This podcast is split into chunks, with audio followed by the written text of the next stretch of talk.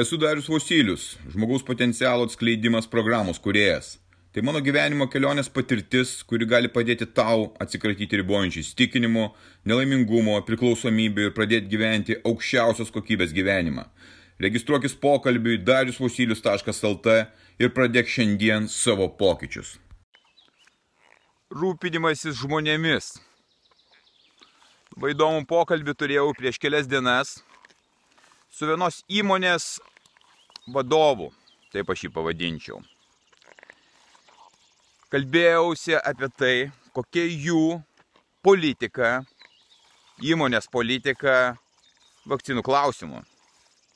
Jis man pradėjo pasakoti, kaip jie rūpinasi žmonėmis, kaip jie rūpinasi darbuotojais, kaip jie jiems yra svarbus.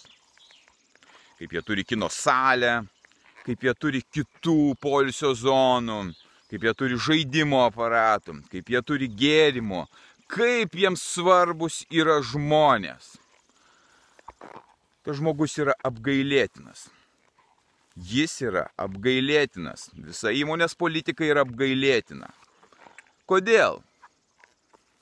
Todėl, kad 80 procentų įmonės darbuotojų privalo būti pasiskiepiję. Taip, jis nevadina tai privalo, bet paprasčiausiai jie negalės dirbti, tik keturi žmonės gali būti nepasiskiepę. Ar jūs įsivaizduojate? Keturi žmonės. Kas atsitiks tada tiems žmonėms, kurie nesutiks skiepytis?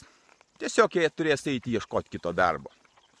Ir tai yra rūpinimas žmonėmis, jie yra apgailėtini idiotai. Jie skaito, kad jie yra labai protingi. Jie skaito, kad jie gali taip elgtis ir kad tai yra biznio etika. Mėšlas. Jie yra nusikalteliai, kurie elgesi taip dėl savo naudos kad įmonė būtų klestinti, kad jie turėtų daugiau pinigų, kad jie būtų garsus. Ir jų yra toks motyvas aplinkui labai daug žmonių, kurie taip sako, mes rūpinamės jėmis.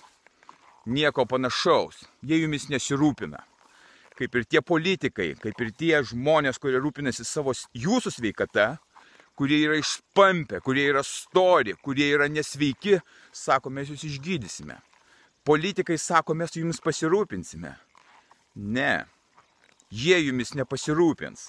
Jūs pasirūpinsite savimi. Jūs Tik tai jūs esate savo gyvenimo šeimininkais.